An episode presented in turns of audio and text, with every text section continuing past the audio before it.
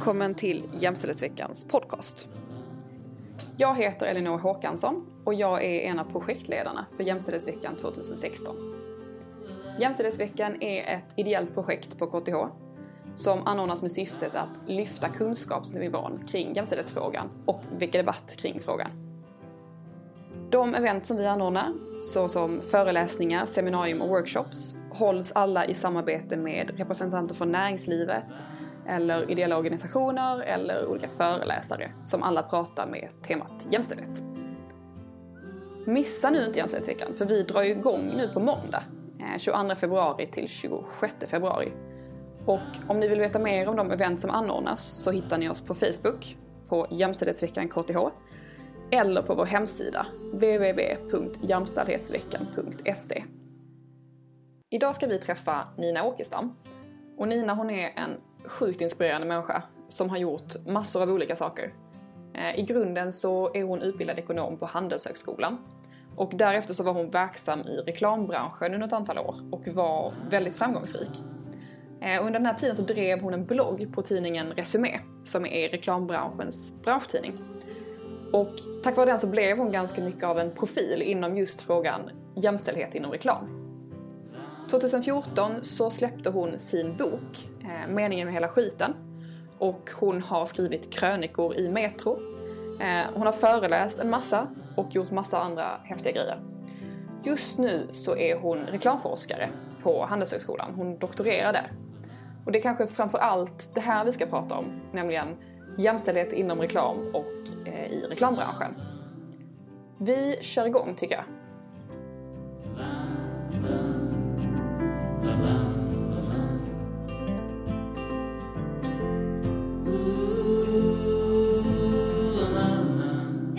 Åkestam! Hej! Välkommen hit till Jämställdhetsveckans podcast. Tack så mycket. Eh, du ska få börja med att presentera dig. Ja, eh, jag heter Nina. Eh, jag är, nu att det väldigt formellt här. Jag är 32 år gammal, jag fyllde precis 32. Och jag är doktorand på Handelshögskolan här i Stockholm. Jag är fjärde års doktorand så förhoppningsvis ska jag bli färdig doktor snart.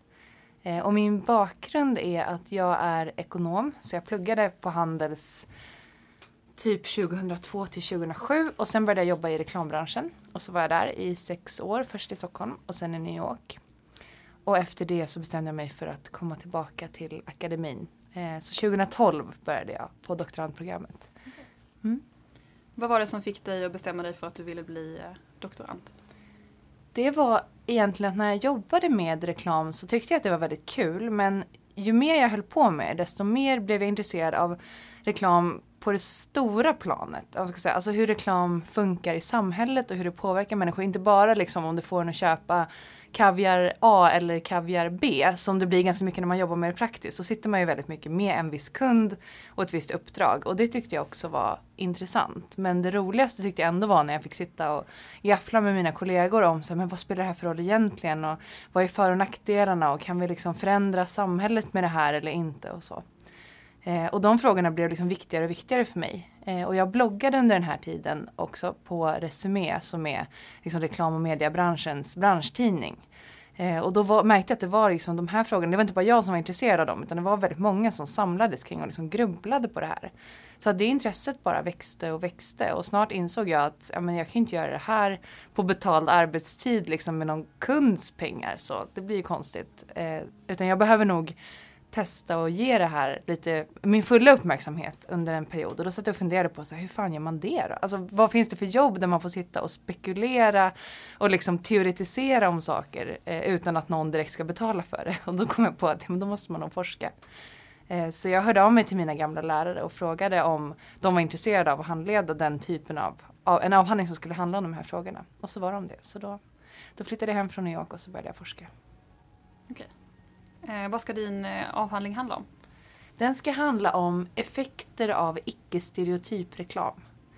Och det började med att jag egentligen bara var intresserad av samhällseffekter. Eh, av typen om icke-stereotyp reklam kan göra att man får bättre självförtroende eller att man, samhället blir mer inkluderande och man kan bli mer empatisk och så tycker jag är jättespännande.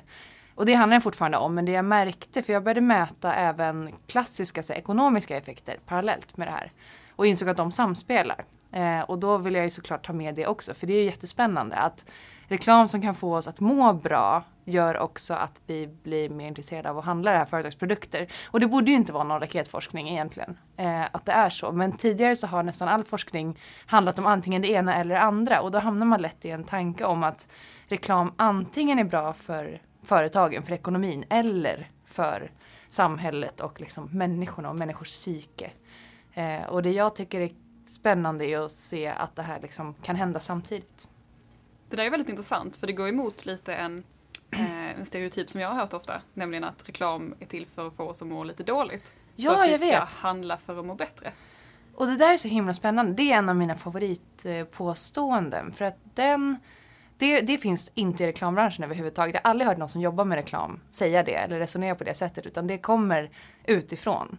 Eh, och det finns heller ingen forskning som stöder att det skulle vara så. För tvärtom så handlar vi människor mer när vi mår bra. Och det är väldigt svårt att försöka övertyga någon om någonting genom att berätta för dem att så här, du är ful, gör som jag säger. Eh, däremot om man kan säga så här, du är toppen, gör som jag säger. Eh, så är det en mycket effektivare handgrepp. Eh, så var det där kommer ifrån, det resonemanget, det vet jag faktiskt inte riktigt. Men jag har i alla fall inte kunnat se några spår av att det faktiskt skulle funka på det sättet. Sen finns det ju reklam som får folk att må dåligt, men den säljer mycket sämre än den reklam som får folk att må bra. Intressant. Eh, va- varför valde du just det här avhandlingsområdet?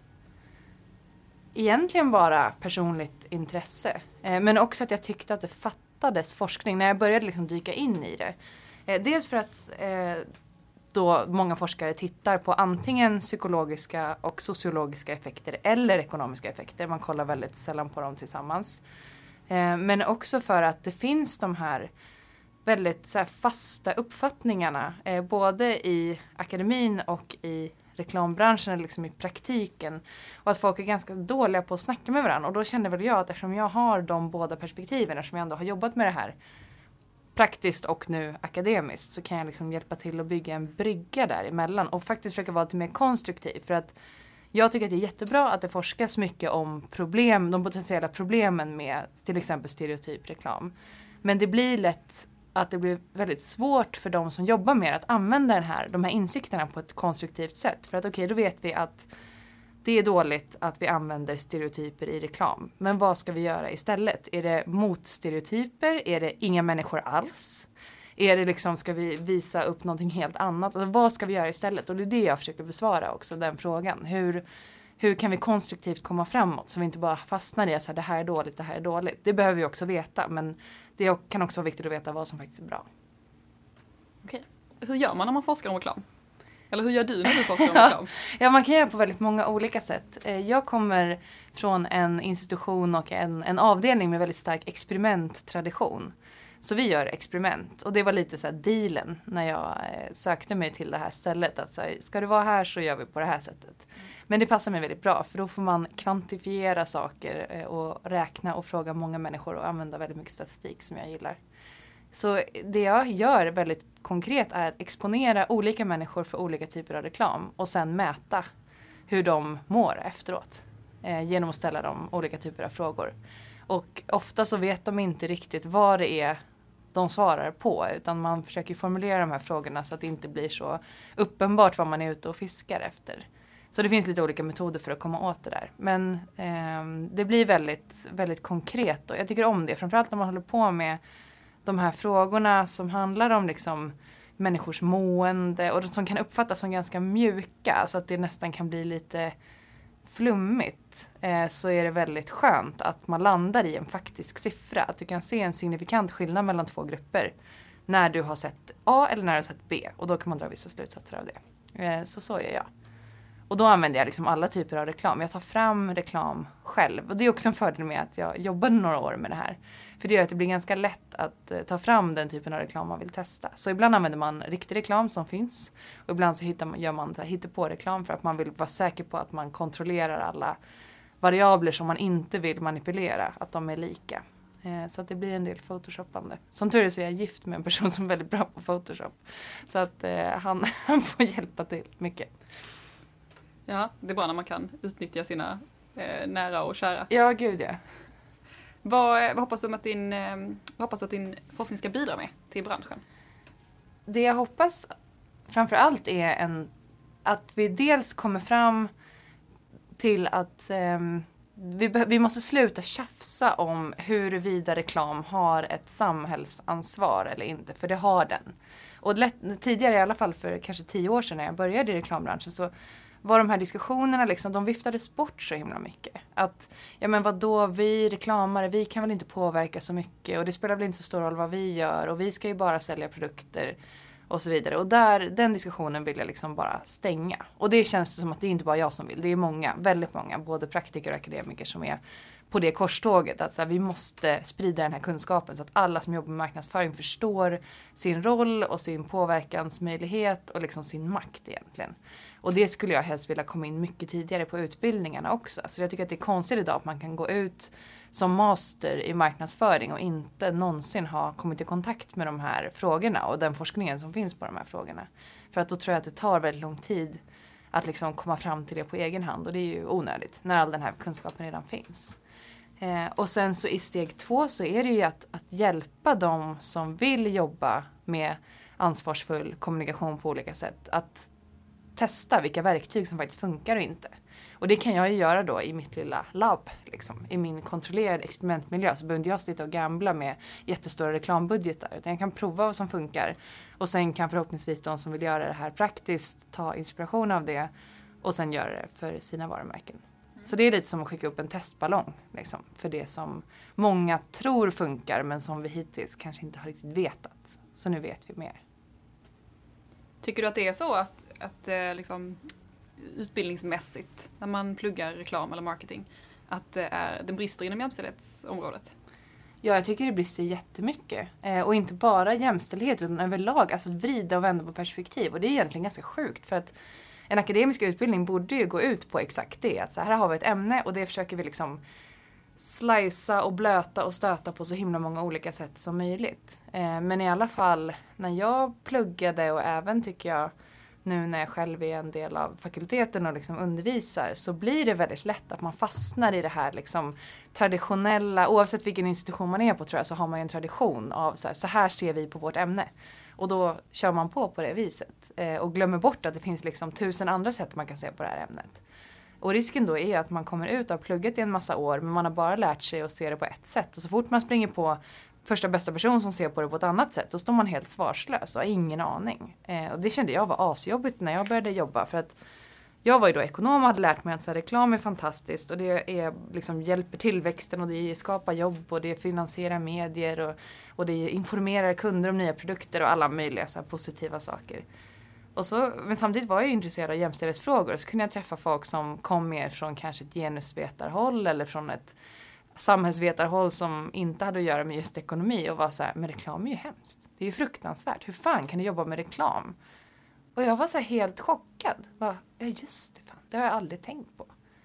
Och nu efterhand låter det ju konstigt att jag aldrig hade tänkt på det, men jag hade faktiskt inte det. Så att jag blev liksom helt svarslös då och det kan jag känna att min utbildning borde ha hjälpt mig att komma igång med de tankarna tidigare. Vad har du svarat eh, nu, om de sa så till dig? Idag så hade jag svarat att ja, det beror helt och hållet på vilken typ av innehåll vi fyller reklamen med. Och det är bra att sådana som jag jobbar med det här för att då kan jag hjälpa till att vrida innehållet åt ett positivt håll. Det är bättre om alla kritiker sitter Nej, det är sämre om alla kritiker sitter på utsidan och pekar finger och alla de som inte ser det som ett problem sitter på insidan och gör reklamen. Jag ser ju mycket hellre att det är en blandning av folk liksom, där inne i branschen också. Eh, så att jag behövs liksom mer än, mer än någonsin, hade jag sagt idag. Men det kom jag inte på att jag kunde säga då. eh, nu undervisar du ju själv som du sa. Mm. Hur gör du med dina studenter? Vad berättar du för dem och vad vill du att de ska ta med sig ut i näringslivet? Eh, jag försöker få in både jämställdhetsperspektiv men också liksom andra perspektiv så mycket som möjligt i vardagen. För jag tror inte på det här att man lägger liksom ett block vid sidan av. Först har vi så den vanliga kursen och sen har vi genusvetenskapen som ligger, eller så perspektiven som ligger som ett eget litet block. Utan jag och de kollegor som jag undervisar med, vi är ju alla intresserade av de här frågorna så vi slänger in det så ofta vi bara kan. Eh, men det kräver att man tänker till lite på förhand och liksom kanske ställer upp, man ger vissa case som man vet kommer driva in studenterna i den här typen av problematik och så får man diskutera det. Eh, och sen måste man ju också ha kanske eh, liksom rena föreläsningar, block, teorier som där man faktiskt lär sig grunden också. Eh, men jag tror att det viktigaste är att man liksom hela tiden har det tänket, att man uppmuntrar i klassen att hela tiden, eller i den gruppen där man är, att man hela tiden får vrida och vända på perspektiv. Även om det blir jobbigare för läraren, för då är risken hela tiden att man blir ifrågasatt för att man kommer, man kan ju inte allt om allt. Och ju mer man uppmuntrar studenterna att ifrågasätta och vrida och vända så är det större risk att det kommer en fråga man faktiskt inte har en susning om. För de tänker på något som man själv inte har tänkt på. Eh, men då får man ju ta den smällen. Eh, antingen försöka hitta på något på stående fot eller så får man bara be om ursäkt och kolla upp det och sen återkomma. Eh, så att jag tror att det går att göra inom alla ämnen egentligen. Men att det kräver dels kunskap hos lärarna och liksom en ambitionsnivå att våga, eh, våga uppmuntra studenterna och, och ifrågasätta mer. Eh, vi ska prata lite mer om reklam ja. som du ju är expert på. Eh, kan du börja med att förklara för oss hur man ser att eh, reklam idag är ojämställd? Eller är den det? Kanske vi ska börja med. Ja, det är den. Jag sagt faktiskt precis i förmiddags och förberedde en, en föreläsning som jag ska hålla om det här på Stockholms universitet om okay. två veckor. Så då fick jag gå tillbaka och, och, kolla igenom alla mina gamla slides och uppdatera dem och så. Och liksom verkligen gräva runt där. Och eh, ja, reklam är fortfarande ojämställd. Den är ojämställd på flera sätt. Eh, dels så handlar det om eh, sexualisering av människor, alltså hur avklädd eller påklädd och liksom hur man poserar och så. Och där har vi fortfarande ungefär 90 procent av alla sexualiserade bilder är av kvinnor och 10 procent är av män. Eh, och det är en ganska viktig siffra tycker jag att så här, banka in. För nästan varje gång jag skriver någonting om, alltså om jag skriver eh, en krönika eller i sociala medier om just problemen med objektifiering av kvinnor så kommer det väldigt många kommentarer av typen men sluta prata om kvinnor, vi män objektifieras ju också. Eh, och då är ju svaret att ja, det, så är det. Men jämförelsevis så är det så himla himla mycket mycket mindre. Eh, och det gör inte att det är bättre för att det är män. Men det gör att det är kanske ett lite mindre akut problem att ta upp. Eh, så där har vi en aspekt av det, sexualisering. Ehm, sen finns det också det som kallas för eh, stereotyper. Alltså att man avbildar både kvinnor och män på ett väldigt så här, man, traditionellt sätt. Att kvinnor kanske ska vara de som är snygga och det ska vara de som tar hand om hemmet. Och männen ska vara de som jobbar och framförallt så brukar män vara väldigt överrepresenterade i så auktoritetspositioner i reklam. Så att ska det vara en liksom proffsig människa som är expert på någonting så är det väldigt stor sannolikhet att det är en man. Medan om det är en person som kanske är mer produktanvändare som liksom visar så här funkar den här grejen, då är det en kvinna. Eh, och det, där är vi i Sverige lite bättre än folk i andra länder men vi är fortfarande tenderar att fastna i de där fällorna. Eh, och så finns ju också då liksom könsrollerna Eh, som hänger ganska mycket ihop med stereotyper. Men liksom att vi eh, tenderar som reklamare att ofta fastna i, eh, ja, men i väldigt så här, det här gör kvinnor, det här gör män. Män kör bilen, kvinnor åker med i bilen. Män pratar mycket mer än kvinnor i reklam generellt. Eh, tar liksom större taldel av mycket mer det som kallas för agency på engelska. Det finns inte riktigt några bra ord på svenska men det är liksom män som driver situationen framåt. Om vi ska försöka avbilda en situation. Och där har vi ju samma sak i all populärkultur egentligen. Att det är männen som driver.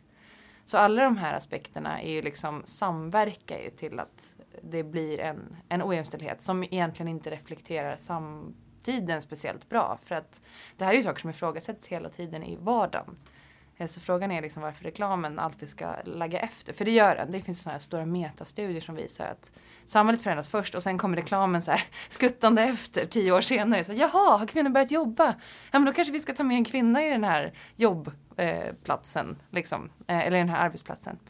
Eh, så att reklamen är dålig, har varit traditionellt sett väldigt dålig på att driva saker och väldigt bra på att följa efter. Eh, och därför så har vi då ofta en reklam som känns lite dassig. Eh, men det börjar i och för sig förändras. Det finns ju exempel nu på varumärken som har valt att driva till exempel feministiska frågor eller mångfaldsfrågor på olika sätt eh, väldigt tydligt i sin marknadsföring och det är ju spännande för det är ju något som aldrig har hänt förut. Hur går man tillväga då? till exempel, det kanske det kändaste exemplet eh, från de senaste åren, alltså det finns ju många nu, men eh, Always Like a Girl som var en sån stor YouTube-hit för typ två år sedan. Eh, när de ifrågasatte då stereotyper av flickor. Eh, när de pratade om vad det betyder att göra någonting like a girl, alltså som en tjej. Kasta som en tjej, springa som en tjej. Eh, att det är någonting dåligt. Och hela den filmen handlade egentligen ingenting om mensskydd eller bindor utan hela filmen handlade om vad gör det med unga flickor att de hela tiden får höra att göra något som en tjej är att göra någonting dåligt. Eh, och hur borde vi som samhälle ändra på det? Och där har man ju verkligen då ett varumärke som tillfälligt kopplar bort sig från sin egna produkt och börjar snacka om stora frågor. Eh, och där, ja det är spännande vad som händer för att den här kampanjen är enormt framgångsrik ur ett försäljningsperspektiv. Samtidigt som vissa då kan ju invända att ja men det är ju för jävla cyniskt och liksom sitta, här finns det folk som har jobbat med de här feministiska frågorna i decennier och århundraden och sen kommer liksom ett varumärke och bara haka på helt plötsligt. Ena dagen så är det så här hälla ut blå vätska på en låtsasbinda och nästa dag så är vi helt plötsligt jättestora feminister. Så vad fan hände? Eh, men jag som är ganska positivt lagd, jag måste ändå tycka att det är bättre att de gör så än att de gör tvärtom. Kan du inte prata lite mer om det? Hur du ställer dig till det här? Att man på något sätt eh, profiterar på, Ja. på jämställdhetsfrågan liksom. Ja men det är väldigt spännande för jag har precis gjort en studie faktiskt om just det här kallas ju för femvertising, så här feministisk advertising eller eh, female empowerment advertising kallar man det för också. Och det är extremt hett liksom i reklambranschen och de senaste åren har det bara exploderat över hela världen. Från Filippinerna och Indien och till USA, England, Sverige, hela Europa, alltså hela världen börjar helt plötsligt prata liksom könsroller och bilder av kvinnor och utseendefixering och sånt i reklam. Eh, och generellt så går de här kampanjerna oerhört bra. Alltså reklameffektiviteten blir enorm. Så att det är inte så konstigt att varumärken tycker att det här verkar spännande att haka på. Och det är ju väldigt intressant apropå det som du sa tidigare att eh, man har fått lära sig att reklam kanske är ute efter att få folk att må dåligt för att då säljer man mer bindor eller smink eller vad fasen det nu må vara. Men det här visar ju då att ja, en sån taktik kan sälja lite grann men vrider och vänder på det så säljer det liksom hundrafalt gånger mer. Eh, men som sagt, där landar man ju ändå i en ja men i någon slags det kan bli väldigt, väldigt cyniskt och vissa eh, det har ju blivit vissa kampanjer som har blivit väldigt kritiserade också, kanske framförallt eh, Doves Campaign for Real Beauty. Eftersom de har svajat rätt mycket kring att visst, ibland så gör de Campaign for Real Beauty med olika typer av kroppar och sen så ibland så gör de helt vanlig reklam. Och man vet aldrig riktigt när det ena eller andra ska komma så det är som att de inte riktigt tror på det själva. Men jag vill ju tro att konsumenter är smarta nog att fatta Alltså man belönar inte företag som man tycker sköter sig dåligt. Sen är det här med konsumentmakt också en förbannat svår fråga. Eh, exakt hur mycket kan vi påverka och det finns ju så mycket där ute som inte säljer och ändå görs. Så att jag vet inte sjutton hur mycket man egentligen kan påverka. Men just när det gäller de här eh, femvertising grejerna så tror jag ändå att det är väldigt bra att det här händer i reklam. För jag har svårt att se hur det skulle missgynna den feministiska kampen i alla fall. Även om det kanske inte är den som kommer driva det framåt. Som sagt, reklamen hoppar alltid efter. Så många av oss som är intresserade av jämställdhetsfrågor tycker så här, ja men det var väl fan på tiden att ni nu börjar snacka om det 2015. Eh, men bättre sent än aldrig. På något sätt. Tycker jag. Du var lite inne på det här nu med konsumentansvar. Um, hur tänker du kring det? Jag menar, ofta när man ser objektifierande reklamer till exempel så får man alltid höra det här ehm, försvaret att ja men sex säljer ju. Ja men det är ju skitsnack, det gör det ju inte. Inte det? Nej, alltså det Spännande. finns jättemycket studier på det här och det är så himla fascinerande varför den sanningen på något sätt är så väletablerad. För att aldrig en enda gång har det kunnat etableras med forskning att sex säljer. Sex säljer sämre än inte sex. Alltid för alla. För kvinnor, för män, för alla åldrar, för alla produkter. Eh, och det beror på två saker. Dels att de flesta människor inte tycker att sex hör hemma i reklam utan kanske i sovrummet eller i porr eller någon annanstans där man liksom väljer det. Eh, och tycker att det är ganska obehagligt att bli liksom exponerad för någonting väldigt sexualiserat, typ på stan eller i en tidning. Man reagerar negativt och är såhär, usch, det här vill jag inte se här. Eh, de som trots allt gillar sex i reklam, de glömmer bort att det är reklam och fokuserar så mycket på att det är sex. Eh, så att om man till exempel försöker sälja, jag vet inte, vispgrädde med liksom sex så kommer folk efter tre sekunder komma ihåg att de såg en sexig tjej men de kommer fasen inte komma ihåg att det var vispgrädde det var reklam för. Så att annonsören i det fallet har ju liksom förlorat hela sin investering egentligen. Eftersom de gör reklam för någonting som folk inte minns. Så där har vi liksom två vettiga anledningar till att det här inte funkar. Eh, och ändå så fortsätter folk att göra det och det tycker jag någon borde, det hinner jag inte liksom täcka in i min avhandling men jag är väldigt intresserad av vad det här beror på. Hur det kommer sig att trots att alla akademiker vet att det här inte funkar varför fortsätter så många varumärken att tro att det funkar eller fortsätter göra på det här sättet? Eh, och där kommer vi in på, tror jag, om jag nu får spekulera, att vi som samhälle har en övertro på rationella företag. Vi tror liksom att alla alltid gör det som är ekonomiskt maxat bara för att de sitter i en företagsposition på något sätt. Medan alla som faktiskt har jobbat på ett företag vet ju att det är inte så beslut fattas. Alltså det är väldigt mycket magkänsla, det gick lite fort, det är tradition, det här har funkat förr, nu gör vi det igen. Det är sega, långa möten där jättemånga människor sitter och bestämmer något tillsammans och så bara blir det på något sätt. Eh, så den här idén om att alla företag sitter med jättemycket vassa siffror och liksom tänker ut att det här är det absolut bästa. Vi har testat alla strategier och nu landade vi i det här. Det ska vara en naken tjej med skitstora bröst. För det säljer absolut bäst. Det är ingen som gör så. Eh, och det måste vi sluta tro att det är så det går till. Utan de som smäller upp en naken tjej med skitstora bröst, de gör det för att de tror att det funkar. Inte för att de vet att det funkar. Eh, och nu kryper ju fler och fler case fram. Ett av mina absoluta favoriter från senaste året är en, en svensk däckfirma som har eh, fått ganska mycket media på att de slutade sälja däck. De var en sån här klassisk liksom, säljgrej med tjej eh, annonsör som blev anmäld till reklamombudsmannen hur många gånger som helst för att de just gjorde så här däck plus naken tjej. Det var liksom deras reklam. Eh, ofta i direkt reklamform då så det var inte på stan men till sina kunder och folk tyckte ju då inte att det var speciellt kul. Och anmälde dem till reklamombudsmannen. De blev fällda hela tiden och de fattade ingenting. Eh, men till slut så bestämde de sig i alla fall för att ja, men vi testar att ta bort de här tjejerna och gör reklam för däck istället för tjejer. Och försäljningen gick upp liksom 600% på två sekunder. För helt plötsligt så kunde de expandera sin målgrupp till kvinnor också. Bara en sån sak. Det var en dubbelt så stor marknad. När det inte liksom gör folk fly förbannade. Och även då alla män som inte tycker att det där är liksom ett bra grepp. Eh, och då alla män som tidigare bara fokuserat på tjejen kan nu fokusera på däcken och köpa däcken. Eh, så där har vi liksom ett sånt typexempel på hur, alltså det är bara hjärnsläpp helt enkelt att göra på det sättet. Så att eh, det är min kanske viktigaste mission just nu att så här, försöka slå ihjäl den där myten om att sex säljer. För det gör det inte.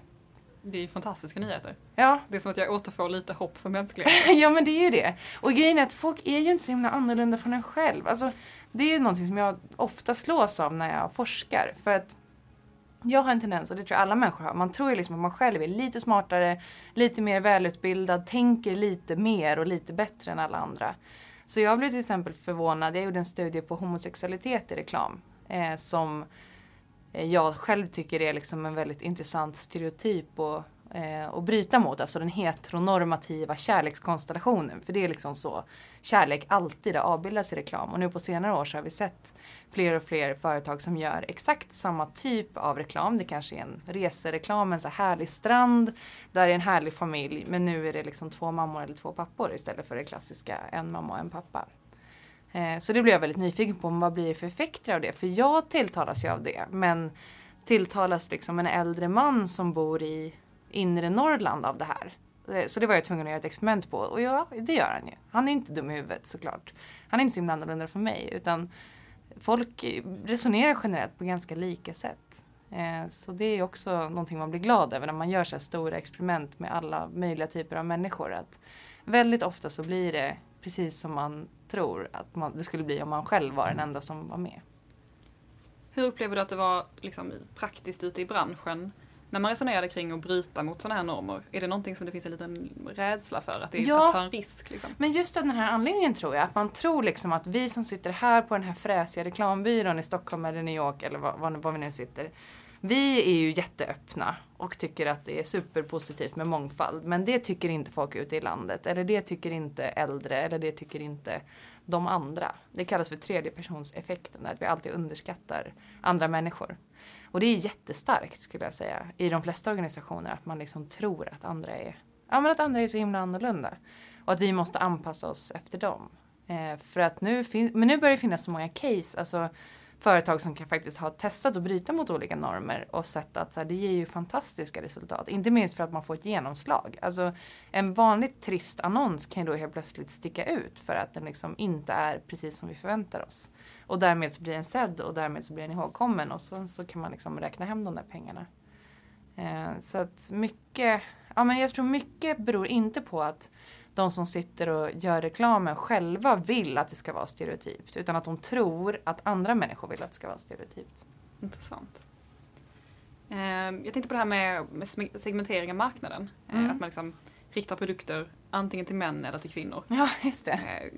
Eh, jag kom upp kom på det här med Coca-Cola. Att man tog fram Coca-Cola Zero och började mm. marknadsföra den till män. Just det, den var ju så supergrabbig när den kom precis. Exakt, ja. det var mycket explosioner och folk som ja. svingade sig i rep från helikoptrar. Just och så det. För att då Cola Light eh, tydligen var en tjejgrej. Just det. Um, varför gör man så? Alltså i mitt huvud så tänker jag att det är mycket log mer logiskt att ha en större målgrupp. Ja. Fungerar det att segmentera marknaden på det här sättet eller vad är liksom anledningen till att man gör det? Ja, alltså du, du har ju helt rätt. Alltså, generellt så är det ju mycket bättre att driva ett större, det är mycket mer kostnadseffektivt att driva ett större varumärke som fler kunder kan eh, relatera till. Som exemplet med däck. Det är klart att det är bättre om vi kan sälja samma däck till både killar och tjejer för då har vi liksom en dubbelt så stor marknad. Eh, och det diskuteras ju väldigt mycket med leksaker nu också eftersom leksaksbranschen har varit väldigt segmenterad de senaste decennierna. Eh, så är också frågan, är det verkligen så himla smart? Och, hacka upp det på det viset. Eh, så nej, det är det ju inte. Problemet är ju att vi faller, tror jag, ofta i våra egna genusfällor. Att man liksom, man börjar i någon ände med att tänka att så här, jo men vänta nu, lågkalori, ja men det är ju tjejer som bryr sig om sin vikt. Därför så behöver vi marknadsföra Coca-Cola light till kvinnor till att börja med, för att män bryr sig inte om sånt. Och sen kommer man på 20 år senare att, men vänta nu, killar bryr sig också om sånt här det var inte så stor skillnad mellan könen som vi trodde. Och istället för att då försöka expandera Cola Light så blir det så här, men då hittar vi på en ny produkt och helt plötsligt sitter de där med tre produkter. Eh, och det, det är ju ett jättedumt sätt att lösa det på. Eh, och igen tror jag att man har inte suttit där med alla perfekta beslut framför sig och valt den här vägen utan det har liksom blivit så. Eh, jag vet inte om Cola Light från början ens var tänkt att vara en tjejprodukt men marknadsföringen på 90-talet av just Cola Light var ju väldigt tjejfokuserad. Det var ju så här snygga killar som... Eh, det var faktiskt en objektifierande av män, vilket är rätt ovanligt. Men om man googlar gamla så här, eh, Diet Coke 90s filmer på Youtube så är det mycket så här hunkar som står och liksom svettas i motljus i så här tajta kläder. och tjejer som trånar över dem. Så det är klart, där stänger det ju av då hela den potentiella manliga målgruppen. Eh, eventuellt. Ja, det är kanske inte så smart. Mm. Ett annat sånt klassiskt exempel som jag tänkte på var när man går på till exempel hudvårdsavdelningen. Mm. Ehm, där har man ju en produkt som också är väldigt lik. Ja. Ehm, hudkräm liksom. Det, vad är skillnaden egentligen? Kanske att kvinnliga är lite mer parfymerad. Ja. Ehm, och där kan man ju se en distinkt skillnad i hur man prissätter också. Alltså att mm. förpackningarna mm. som man säljer till kvinnor är väldigt mycket mindre. Mm. Så att literpriset är väldigt mycket högre. Just det. Vad tänker du kring det? Alltså, vad är de bakomliggande faktorerna till det här egentligen? Men där tror jag också att man får gå till liksom traditioner för att hitta det är ganska likt tror jag, Cola-exemplet. Att från början så tänkte man att med, med ett väldigt stereotypt tänkande att det är bara kvinnor som bryr sig om sin hud. Män gör inte det, alltså marknadsför vi hudvård till kvinnor. Och sen kom man på att oh fuck, killar brydde sig också om sin hud. Det glömde vi jaha men nu har vi ju etablerat den här produkten som så himla himla tjejig. Med liksom guld och rosa och sån här rosendoft. Så att inga killar känner sig kanske träffade av den här produkten. Eh, och då måste man då hitta på en ny produkt. För man vill inte liksom vaska allt det jobb man har lagt ner på den här första produkten. Och så blir det den här typen av eh, segmentering som jag tror ofta är ganska ofrivillig. Eh, för att skulle man sätta sig från början och liksom med allt det man vet idag börja om, då tror jag det är väldigt många varumärken som skulle ha helt andra marknadsstrategier. Utan det bygger ofta på att man har liksom löst tillfälliga problem allt eftersom de har dykt upp. Och då hamnar man i de här jättedyra, väldigt komplicerade lösningarna när man har massa olika produkter som ska jongleras mellan olika marknader. Det har ju samma sak där internationellt att en samma produkt kan liksom heta olika saker på olika marknader och så måste du göra om alla marknadsföringsenheter för att passa liksom Sverige och Norge kan ha helt olika. Det är också dumt såklart. Men så, här, så blev det en gång för 40 år sedan och nu är det bara så. Så att jag tror igen så här, man ska inte tro att företag är så smarta jämt utan mycket är som det är bara för att det råkade bli så någon gång och sen är man fast i det. Nu får vi ju en väldigt positiv bild av dig ändå. Alltså att eh, stereotyp reklam, det är inte bra. Utan Nej. det är bra att, att vara liksom non-kritisk och Mm. eh, sådär. Men om vi ändå säger hypotetiskt att Mm. det finns en typ av reklam som kanske reproducerar stereotyper eh, och som ändå är väldigt framgångsrik. Vad tänker du kring konsumentansvar och ansvar från de som producerar den här reklamen? Får Mm. man, ska man alltid följa pengarna? Eller har man ett ansvar kring vad det får för samhälleliga effekter? Ja, så den frågan blir ju svår i och med att om man följer pengarna så landar du inte i en stereotyp lösning. Eh, utan det är bara när du inte följer pengarna utan följer din magkänsla som du hamnar i stereotypa lösningar. Men kommer det alltid att vara så? Tror du att det aldrig vet- kommer att dyka upp ett exempel där Jo men så kan det ju säkert vara. Alltså att det finns, eh, till exempel så finns det ju många exempel där humor, alltså att, att med humor spela på stereotyper är ju ett grepp som har funkat bra eh, bitvis. Det är ju lite en annan sak för att då är man ju kanske inne och driver med någonting som alla vet liksom inte är sant eller är halvsant. Eh, och då kan det bli någonting som man tycker är, är roligt. Eh, eller så här, överdriva stereotyper kan ju också vara eh, någonting som kan, kan funka för att det blir, liksom, det blir roligt. Eh, men om vi säger att det fanns eh, sån, något sånt exempel, jag försöker komma på om jag kan tänka något som, som är så här stereotypt och har blivit väldigt framgångsrikt. Sådär som jag vet liksom siffrorna på. Ehm, men ja, skitsamma, om vi säger att det finns sån, det finns sån reklam som funkar väldigt bra.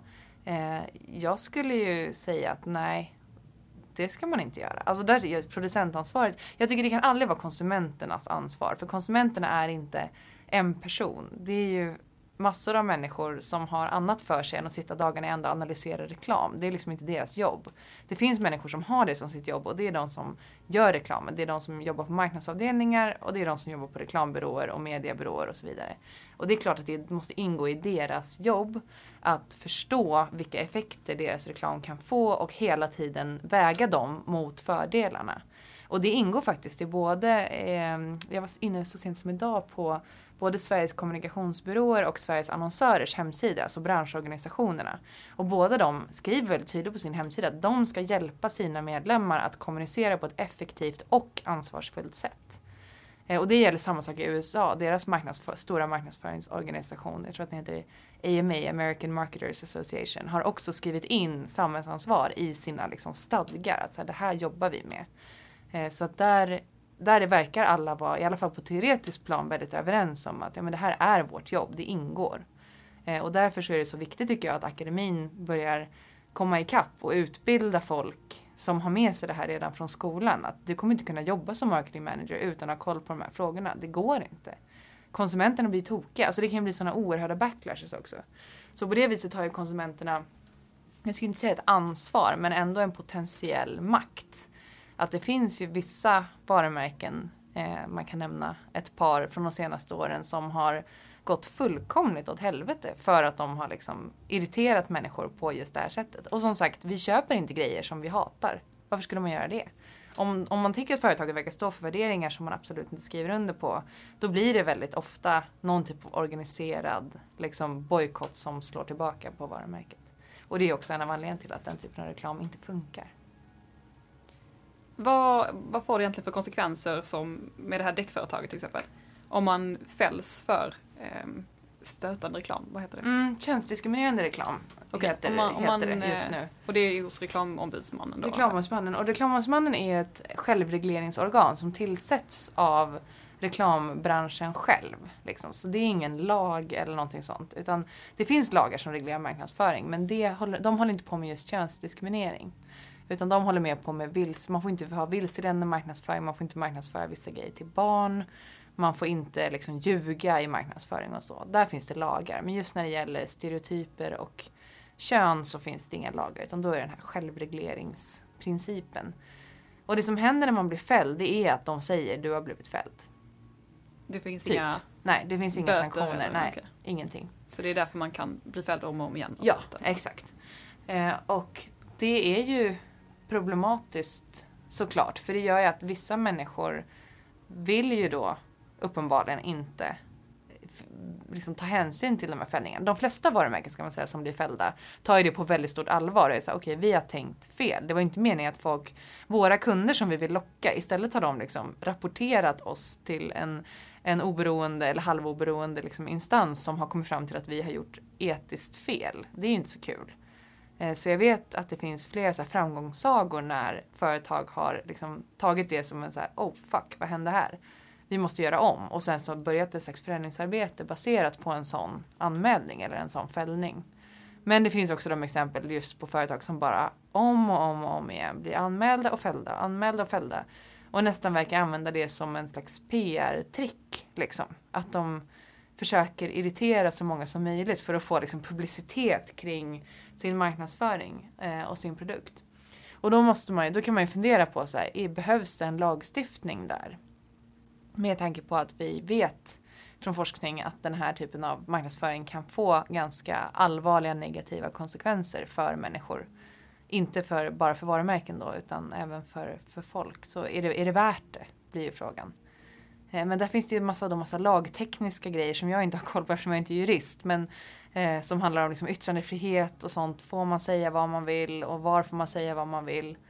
Och sånt. Så det blir väldigt lätt väldigt, väldigt geggigt när man börjar prata om det där. Så jag tycker att det bästa vore ju om folk bara kunde lära sig vad som funkar. Eh, och följa eh, en bra kombination av liksom pengar och ansvar och sin egen moraliska kompass och göra så bra grejer som möjligt. Då skulle vi slippa de här problemen. Men där är vi ju inte riktigt än, tyvärr. Skulle du vilja se en lagstiftning? Jag svajar på det typ varje dag. Jag vet inte riktigt. Eh, det som jag ser som fördelar med lagstiftning är just att man skulle komma åt de här eh, människorna som verkligen inte är intresserade av att ta sitt ansvar. De som skiter i att de blir fällda, de skiter i vad folk tycker och bara vill av någon anledning. Det, det blev jag i och för sig nyfiken på. Jag skulle vilja intervjua några sådana människor och fråga dem varför vill du så himla gärna använda de här typen av bilder i din marknadsföring? För att de säger ju att det är av pengaskäl, men det är det inte. Det, det vet ju jag eftersom jag forskar på det här.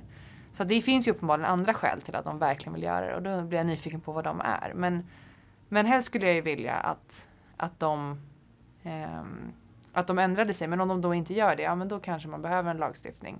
Samtidigt så kommer ju en lagstiftning alltid vara liksom mycket mer stelbent än vad människors egna kompetens kan vara. Alltså en, en skicklig det bästa vore ju att alla i branschen var så skickliga att de inte hamnade i de här äh, problemen någonsin. För att reklam kommer ju alltid, eller förlåt, lagstiftning kommer ju alltid vara reaktiv. Liksom. Det blir så här, det här är ett problem, det lagstiftar vi emot. Men jag ser ju helst att reklam kan vara liksom offensiv och ifrågasätta saker och liksom ligga i framkant. Eh, och där kommer ju liksom lagstiftningen aldrig riktigt komma åt. Så att Eh, jag vet inte. Jag lämnar det lite till juristerna känner jag också. Mm, Det här som du säger att man inte tjänar pengar på, på eh, dålig reklam, eller vad man ska Mm. kalla den. Är det liksom allmän kunskap? Eller kan det vara så att de som gör den här reklamen tror att det är, är det som säljer? Men jag tror att de tror att det är det som säljer. För det som man ska komma ihåg är att så här, nej, man, all reklam säljer bättre än ingen reklam. Så att om du jämför med att så här, vi var ett däckföretag, vi gjorde ingen reklam alls. Och nu skickar vi ut en kalender till alla våra kunder där det är en massa avklädda brudar. Då kommer de sälja mer däck än vad de gjorde innan. Däremot har de skickat ut en kalender som inte hade avklädda brudar så hade de sålt ännu mer. Så det är liksom som en slags trestegsraket. Så allt beror på vad man jämför med. Så att eh, om man jämf- de vet ju ofta inte vad de har missat så att säga. Utan de jämför med hur det var när de inte gjorde reklam alls. Och det är ju därför man ofta hamnar i de här eh, missuppfattningarna. Att de är såhär, jo men det säljer ju jättebra. Och min invändning blir så här, ja det gör det säkert. Det säljer mycket bättre än innan. Men ni hade kunnat sälja 600% ytterligare om ni hade gjort på ett annat sätt. Så det är där det gäller att hålla tungan rätt i mun, så här, vad man jämför med. Och där är ju problemet att det är väldigt få varumärken som testar det här på ett strukturerat sätt. Att man liksom provar att så här, vi testar att skicka alla kunder i Göteborg får den här kalendern och alla kunder i Stockholm får den här kalendern och så kollar vi vilken som funkar bäst. Den typen av tänk finns väldigt sällan. Och det gör ju att det blir svårt att liksom verkligen veta vad som funkar bäst. Så därför så får man lita på oss forskare som sitter och verkligen så jämför och räknar på det här. Vad var din upplevelse av reklambranschen när du kom ut till den? Hur jämställd är den? Ja, den är ju jätteojämställd och det var lite av en chock. Eh, som jag sa tidigare så när jag pluggade så trodde jag nog att det var bättre ställt i hela näringslivet än vad det är. För att jag hade hört så många kloka människor, alltifrån föreläsare till liksom företagsrepresentanter och intervjuer man hade läst i media och sådär. Att nej men vi tycker att det är jätteviktigt med jämställdhet och här hos oss får kvinnor alla chanser, samma som män och vi skulle aldrig göra skillnad på kön och sådär. Och jag trodde ju liksom på det. Jag hade ingen anledning att tro att de ljög. Eh, så att när jag väl satte min fot på min första arbetsplats så fick jag en sån fruktansvärd kalldusch. Eh, för att inget av det där visade sig ju stämma. Utan tvärtom så kom jag in i en bransch där det var, det har blivit lite bättre nu, men för tio år sedan var det extremt ojämställt. Eh, det fanns nästan inga kvinnliga VD alls. Det fanns nästan inga kvinnliga partners eller delägare. Att liksom vara ens i någon typ av ledande position som kvinna var jätteovanligt. Och till och med, eh, jag jobbade ju då som copywriter som kallas för kreatör i reklamsammanhang och där var det också väldigt, men väldigt få kvinnor. Det var bara ingen där liksom. Eh, och först så trodde jag ju då i min enfald att det berodde på det som, då började jag ju fråga liksom runt, men varför är det så här? Ni, ni säger ju att ni vill ha jämställdhet och varför finns det ingen jämställdhet? Och då sa nej men det finns inga, det är inga kvinnor som vill. Och de är inte, vi vill verkligen anställa kvinnor men vi hittar inga och så. Eh, och det fick jag ju också lära mig den hårda vägen att nej, så var det inte. Det fanns hur många som helst men de fick inte chansen. Så det var en ganska tuff period tycker jag. För mig. Alltså de där första åren när jag började så här, vara tvungen att ifrågasätta. Så, gud, allt det jag trodde att folk menade visade sig att de kanske faktiskt inte alls menade. Eller i alla fall att de inte fattade riktigt hur saker och ting hängde ihop. Eh, men sen så insåg jag ju att, ja men vänta nu, här finns det ju ett jobb att göra. Och det kan ju jag göra. Eh, för jag är intresserad av de här frågorna och jag vill lära mig mer. Så att jag började liksom läsa på bara för att förstå min egen situation. Förstå varför tror alla att jag är receptionist för? När jag i själva verket är, liksom sitter i ledningsgruppen för det här företaget. Eh, och sådana saker. Eh, så jag började läsa på och insåg att, ja men gud, det här finns det ju massa bra förklaringsmodeller för men det finns ju också massa bra taktiker för att komma runt de här problemen. Eh, så det började jag jobba med. Eh, och då fick man ju helt plötsligt en hel värld. Alltså som man kan verkligen bygga en hel karriär på. Att, att vara duktig på de här frågorna. Så att det är en stor fördel. Det kan vara en stor fördel att komma in som en lite udda fågel i ett visst sammanhang. Eh, och vilja bryta mot normer för att man kan ju få en väldig skjuts. Det är tufft. Men det kan också ge en väldigt mycket tillbaka om man liksom orkar kötta på där. Eh, så att jag tror inte att jag hade fått en lika stark position så tidigt i min karriär om jag hade gett mig in i en mindre mansdominerad bransch. För att jag blev så jäkla udda. Så att det blev liksom kul att lyfta fram mig i olika sammanhang. Tror du att du på något sätt påverkades negativt av den här obalansen? Ja, ja supermycket. Alltså bara det att jag tjänade 5000 mindre än min kille som satt bredvid och gjorde samma jobb var ju, en, det var ju väldigt dåligt. Eh, och någonting som jag fortfarande inte har fått ett bra svar på varför det var så. Eh, så att jag har hela tiden tjänat mindre än mina manliga kollegor för samma jobb. Eh, jag har alltid behövt gå in, och det känner jag ju fortfarande som forskare, att man går alltid in i varje möte med en sån jäkla bevisbörda. För det är liksom som att, man brukar prata om att så här, förtjäna sin plats vid bordet som kvinna i ett mansdominerat sammanhang så måste man ju alltid börja med att förklara så här, nej jag är inte receptionist, nej och nu, nej jag är inte student, nej jag är inte liksom assistent till den här personen, nej det är jag som är föreläsaren här. Det är liksom mig ni ska lyssna på, jag leder det här, det här bygget. Eh, och det gör ju att det tar rätt mycket energi. Alltså innan man ens kommer till själva sakfrågan som man är där för att snacka om. Har man liksom redan bränt jag vet inte om, om det fanns energienheter men man, liksom, man har bränt 20% av allt sitt kapital på att bara få folk att fatta att så här, det är mig du ska snacka med, inte han som sitter där bredvid. Eh, det är jag som är, är mm, your man, vilket inte är sant att man säger, men det är jag, jag är er man, det är jag inte, jag är er kvinna. Eh, lyssna på mig nu. Eh, och det där, alltså man blir ju lite vaccinerad, så att jag har hållit på i tio år och varit konstig, alltså varit liksom fel kvinna på fel plats. Så att på något sätt så blir man ju van att skaka sig av sig det. Men ibland så blir jag ju fortfarande chockad över hur många som faktiskt utgår ifrån att de kan se på en människa de aldrig har träffat var den personen är hemma i en organisation. Eh, att man liksom inte ställer öppna frågor så här, jaha, vad är din roll? Eller jaha, vem är du? Utan man säger så här, jaha, så du ska också börja ettan nu? När man är så här, nej, alltså jag är föreläsaren. Ehm, det tycker jag är väldigt konstigt. Och det kommer ofta från folk som borde veta bättre. Alltså som är erfarna, ledare, har liksom jobbat hur länge som helst och borde vid det här laget veta att det är inte så himla lätt att se på folk var de är hemma någonstans. Så blir jag ändå förvånad över hur ofta det händer. Eh, och det är ju deppigt. Framförallt för att jag vet att det verkar vara samma sak typ överallt. Att jag får så många stories berättade för mig från människor som är i andra mansdominerade branscher. Som är såhär, japp, det är samma sak. Det är liksom, man måste alltid börja med att förklara vem man är innan man ens kan börja snacka. Och det är segt. Har du liksom märkt någon skillnad på hur branschen har utvecklats sedan du började? Ja, och fram till nu? alltså den, den stora skillnaden är att vi ganska snabbt, nu säger jag vi om reklambranschen, det borde jag kanske inte göra, jag är inte kvar där längre. Men de eh, har slutat ursäkta sig. Eh, vilket var en enormt genombrott som hände för typ åtta år sedan kanske. För innan det så var det så här, jo vi vill ha jämställdhet men eh, det går inte. De kvinnorna finns inte, kvinnorna vill inte, kvinnorna är inte tillräckligt kompetenta och så vidare. Sen var det som att det till slut ifrågasattes så pass många gånger att folk blev så här, jo, vi vill ha jämställdhet och vi har inte jämställdhet. Hjälp oss att lösa det här. Eh, och att man började då liksom faktiskt söka verktyg för att komma runt problemet istället för att bara ursäkta det. Så att nu är vi fortfarande i ett läge där det är, det är mansdominerat. Eh, men nu har i alla fall branschen börjat samla ordentlig statistik på det. Vilka jobbar här? Vilka positioner har de? Hur mycket tjänar de?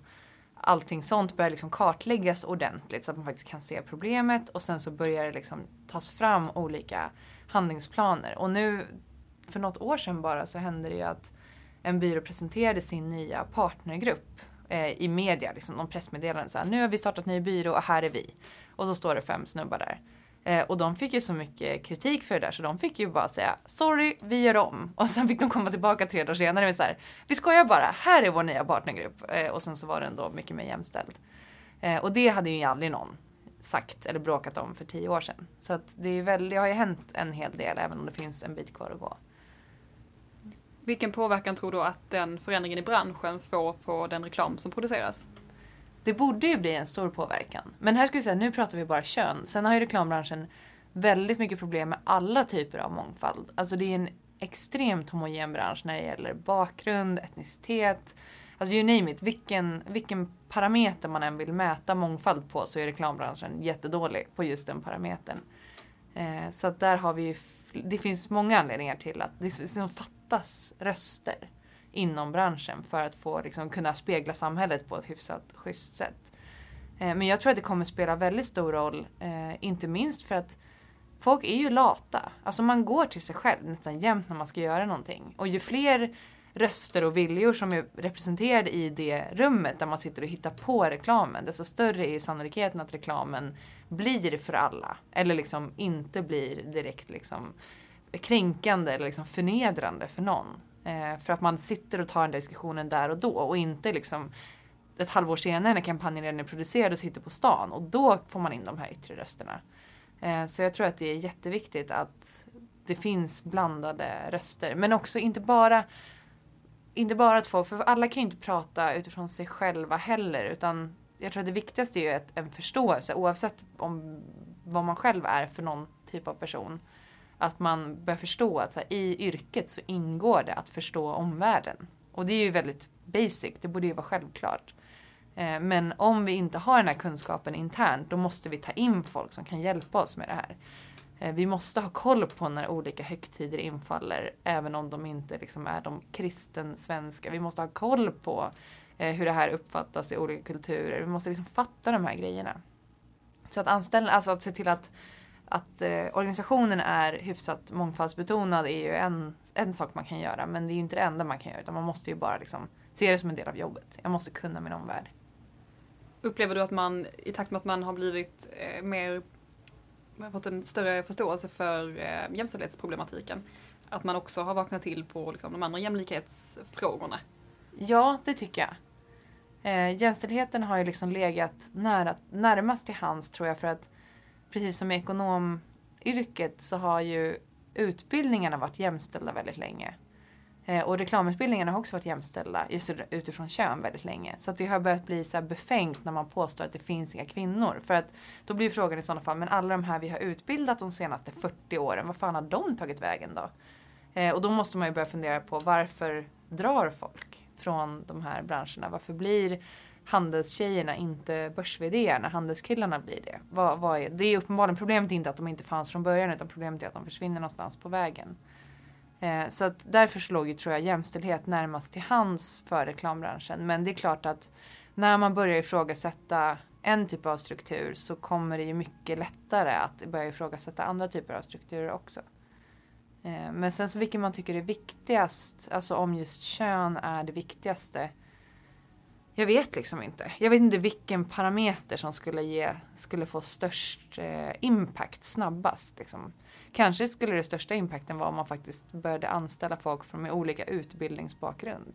Så inte alla har gått samma skolor. Men där är vi ju. Så det är ju också sådana där saker som man måste fundera på. Men just nu upplever jag i alla fall att det testas väldigt mycket. Alltså man testar att få in folk från olika håll. Och man ifrågasätter liksom sina egna rekryteringssystem och sådär. Det tycker jag är jättebra. Vad önskar du dig av branschen, säg de närmsta tio åren? Jag önskar mig att det här ska vara en fråga vi inte behöver prata om något mer. Eh, för att det är ju verkligen ett ämne som om det funkar bra avskaffar sig självt.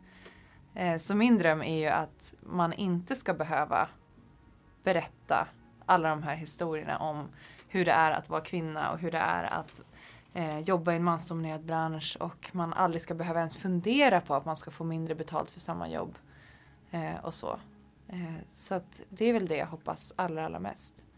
Eh, men också att utbildningarna, alla som utbildar människor som ska jobba med kommunikation på olika sätt fattar att så här, det här är någonting som vi måste få med oss från början. Eh, för det kommer göra allting så oerhört mycket enklare och att det är en självklar del av, av alla. Liksom. Man kan inte kalla sig en topputbildning inom någonting egentligen om man inte kan liksom, använda det här perspektivtänkandet. Det skulle jag önska också. Jag börjar närma mig att känna mig färdig. Men innan dess, jag tänker fråga på vilket sätt blir vi påverkade av ojämställd reklam? Det påverkar olika människor på olika sätt, vilket är en av anledningarna till att det här ofta blir en så infekterad debatt. För att om någon säger jag såg den här reklambilden och den fick mig att må väldigt dåligt. Så kommer det absolut direkt komma en annan person som säger men jag såg samma bild och jag mådde inte alls dåligt av den. Eh, och det är en av de liksom försvårande omständigheterna. Men det man kan säga, det vi vet är att eh, ojämställd reklam kan förstärka stereotyper i vardagslivet på olika sätt. Genom en process som kallas för kognitiv priming. Det kommer från psykologin. Eh, så det reklam kan göra är att liksom påminna oss om saker som redan finns i samhället som är stereotypa. Så till exempel så har man kunnat se att kvinnor som får se könsstereotyp reklam blir tillfälligt lite sämre på matte efter att de har tittat på den här reklamen. Eh, eller att de blir lite mindre sugna på att ta ledarroll eh, i ett sammanhang. Eh, och det, det, här, och det här har faktiskt gjort på just eh, eh, teknikstudenter för att de ville prova med människor som faktiskt är väldigt, väldigt bra på matte. Eh, och för att se om de här effekterna stämmer. Och det som händer är ju då att man blir påmind om att ja just det, Eh, utan att man tänker på det aktivt så blir man påminner om att ja, just det, kvinnor förväntas ju vara på det här sättet och män förväntas vara på det här sättet. Och så börjar man helt omedvetet skifta sitt eget beteende för att liksom lira med den stereotypen. Eh, och det här är väldigt så allmän, allmänmänskligt att man gör det. Eh, så reklam kan liksom påminna oss. Det, det är inte som att reklam skapar de här rollerna. För de finns ju från många. De förstärks ju genom populärkulturen, genom dagis, genom uppfostran, genom skolan. Genom allt möjligt så finns de här idéerna om manligt och kvinnligt. Men reklamen kan göra är liksom komma in som en booster och förstärka dem. Och det är också en av anledningarna till att det inte alls är ett lika stort problem när män objektifieras i reklam. Dels för att det händer mycket mer sällan, men även när det händer så förstärker inte det en väletablerad mansbild. För män har oftast inte fått med sig från liksom de var tre år gamla, att de finns för att behaga kvinnor. Estetiskt, liksom. de är inte där för att vara snygga. Och därför så kan män mycket bättre försvara sig mot en sån typ av påminnelse. För det påminner kanske inte dem om något särskilt egentligen. Så det är väldigt viktigt när man pratar om de här frågorna att man inte utgår från sig själv. För folk är väldigt olika och beroende på vilken uppväxt man har och liksom vilken bakgrund man har så kan man bli påmind om helt olika saker av samma bild. Eh, men generellt sett så, och det här är någonting som, som Europaparlamentet gjorde en så stor utredning om 2008. När de eh, spikade att vi ska, hela EU, jobba mot könsstereotyp och diskriminerande reklam. Så var det just för att de hävdar att eh, re reklam som är stereotyp tenderar att liksom spilla över på hur vi beter oss i andra sammanhang. Så det är inte reklamen i sig som är problemet. Det är inte liksom att man dör av att se en naken tjej i tunnelbanan, det gör man ju inte. Men det kan få spill, liksom spilla över på andra sammanhang. Och det i sin tur kan bli problem. Hur påverkas vi som män och kvinnor på, på olika sätt generellt sett? Generellt så är det ju beroende på att våra stereotypa roller är olika från början så förstärks de på olika sätt av reklamen. Eh, så att kvinnor brukar generellt sett må mycket sämre av reklam. Om man ställer en öppen fråga så här, känner du någonsin att du mår dåligt av reklam? Så svarar mycket fler kvinnor än män ja på den frågan. Eh, och det beror på att dels att fler kvinnor eh, objektifieras och stereotypiseras i reklam än vad män gör. Eh, men också för att rollerna man framställs i är olika. Och jag tror fler kvinnor känner sig obekväma med kvinnorollen i reklam än vad män känner sig obekväma med mansrollen. För att män har också avbildats också på mycket fler sätt i reklam. Och det här har man sett i liksom stora såna här gigantiska metastudier att en, en, typisk man i reklam kan vara en pappa, han kan vara en VD, han kan vara en rörmokare, han kan vara rolig, han kan vara tråkig. Han kan ha liksom olika etniciteter men en typisk kvinna är väldigt mycket oftare där för att vara dekorativ eller snygg. Och det gör också att det liksom påverkar oss ganska olika. Lite avslutande bara. Mm. Om jag eh, ser en reklam som jag tycker är eh, jobbig att titta på eller som jag upplever som kränkande. Mm. Vad tycker du jag ska göra då? Jag tycker att man ska kontakta företaget direkt. Det är det absolut vassaste man kan göra. Eh, för att man får, vi har ju pratat tidigare om att här, företag är inte så himla strategiska som man tror. Och ofta gör de misstag de inte ens själva är medvetna om. Och det är ju också så här, tre telefonsamtal är en folkstorm för de allra flesta företag. Så om du skickar ett mail eller ringer till dem, till deras växel bara och säger att så här, hej jag såg er reklam, jag skulle prata med någon som är, är ansvarig för den för jag tyckte inte om den. Säg att du och två av dina kompisar gör det. Då kommer de sitta och gråta i sitt konferensrum sen för att de är så himla ledsna för att de gjorde fel. Eh, I de allra, allra flesta fall. Så att, att, bara säga det och sen kan man säga det på sociala medier, på deras Facebook-sida. Man behöver liksom inte trumma upp så mycket för det räcker. De, här, de flesta människor, även marknadsförare, vill ju liksom inte göra fel. De vill göra bra och har de gjort någonting fel så är det oftast inte med meningen. Så man får liksom inte, man ska inte underskatta sin egen förmåga att ändå så här säga till och påverka på det sättet. Däremot så är det mycket svårare att bojkotta ekonomiskt. Det blir mycket längre väg att gå för då ska det liksom det krävs att mycket fler människor gör det till att börja med för att det ska bli någon effekt och det tar så lång tid. Det är inte säkert att de kan hänföra det det försäljningsdippet till just den där reklamkampanjen. Utan jag skulle säga bara säg det rakt av. Eh, och sen kan man ju också anmäla till reklamombudsmannen för att eh, se till att det liksom prövas så att de får en liksom mer ordentlig genomgång av varför det här är problematiskt och så. Men, men orkar man inte det så bara skriv på deras Facebook-sida. Så kommer det nästan alltid ge någon slags resultat. Just det. Man får skriva en sån här lång text så det blir en likefest. Ja, det kan man göra. eh, men som sagt, jag skulle verkligen säga tre samtal är en folkstorm. Så att underskatta inte den makten man mm. har som konsument. Om man fick blodad tand av att höra dig prata om det här och vill lära sig mer om eh, jämställdhet inom reklam, ja. var ska man söka sig då? Eh, jag tycker man ska börja med att kolla upp en hemsida som heter missrepresentation.org som är en fristående organisation i USA som granskar reklam och media utifrån könsstereotyper. Och de har skitmycket bra intervjuer och filmer och de gör också så här, eh, kampanjer kring olika stora reklamevenemang, typ Super Bowl i USA där det är väldigt mycket reklam som traditionellt sett har varit ganska sexistisk. Brukar de göra så här Twitter-kampanjer kring. Så där finns det väldigt mycket både så här fakta men också upprop som man kan själv delta i och liksom signa under på olika sätt och påverka. Så det är ett väldigt bra ställe att, att börja på. Och om man är nyfiken på dig och vill höra mer av det du har att säga, vad ska man söka sig då? Eh, då tycker jag man kan lajka min Facebook-sida. Jag heter Nina Åkestam och har en, eh, en publik liksom, författarsida. Eh, så om man likar den, så där brukar jag skriva några gånger i veckan om den här typen av frågor och lite annat också. Men oftast så är det, har det med reklam och jämställdhet att göra. Och om ett år ungefär så får vi haffa din avhandling. Ja, förhoppningsvis. Då känner jag mig nöjd. Tack så jättemycket för att du kom hit Nina. Tack själv.